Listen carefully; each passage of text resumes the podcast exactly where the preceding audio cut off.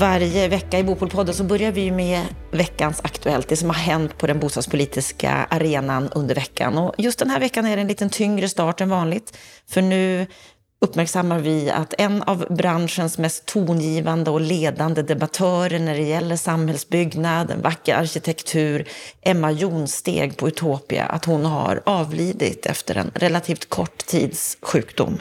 Ja, det är verkligen ett besked som, som eh, var tungt att bära. Jag såg det på Facebook eh, i helgen och det var hennes eh, make Jesper Löfqvist som berättade om det hela. Det var känt sedan ett tag att Emma var svårt sjuk i cancer. Men det är klart som sjutton att eh, när vem som helst som är mitt i livet eh, har fyra barn och en framstående karriär och så rycks bort förhållande, under ja, förhållandevis kort tid så så berör det ju människor. Och det är precis som du säger, Emma var en av de mest tongivande och jag skulle säga eh, absolut främsta arkitekterna i vårt land. Det räcker för vem som helst att gå in på Utopias hemsida och titta på deras projekt så kan man se att nästan allting som har kommit ur Utopia är märkesbyggnader utav väldigt, väldigt hög kvalitet. Och jag måste säga att det är faktiskt Utopia och Emma Jonsteg som själv har nyanserat min syn på debatten om arkitektur. Jag, jag tillhör ju själv inte arkitekturupproret, men jag har varit en kritiker utav mycket av modern arkitektur. Men just Utopia och Emma Jonsteg visar att modern arkitektur kan vara både kreativ och vacker och väldigt tilltalande.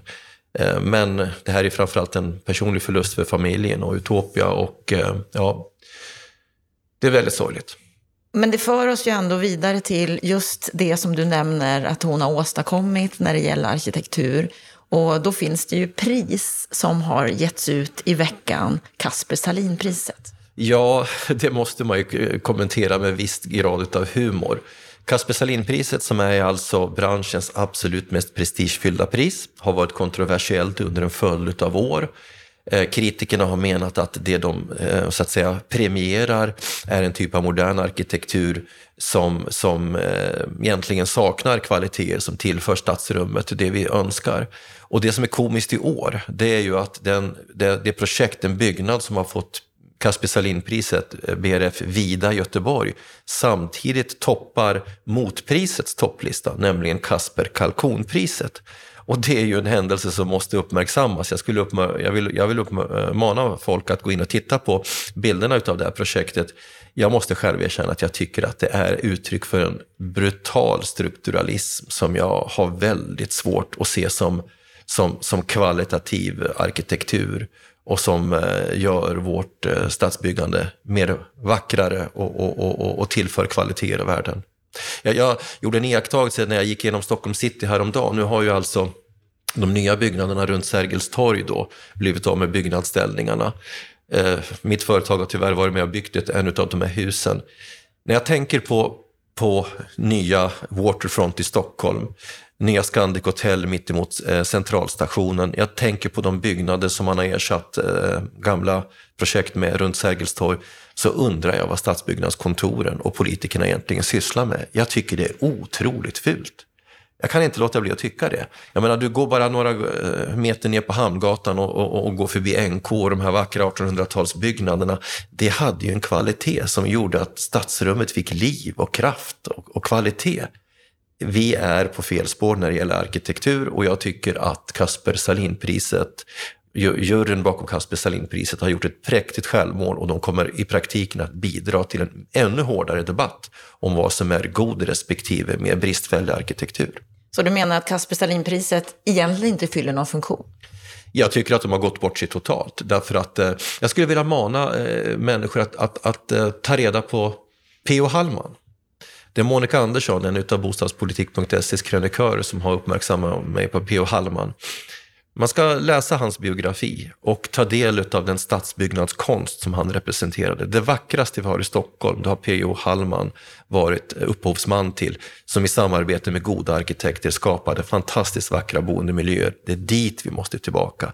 Det är inte en motsättning mellan ny och eh, traditionell, eller ska vi säga mer klassisk arkitektur. Det är en motsatsställning mellan kvalitativ och bristfällig arkitektur och stadsbyggnad. Det är den debatten vi måste våga föra.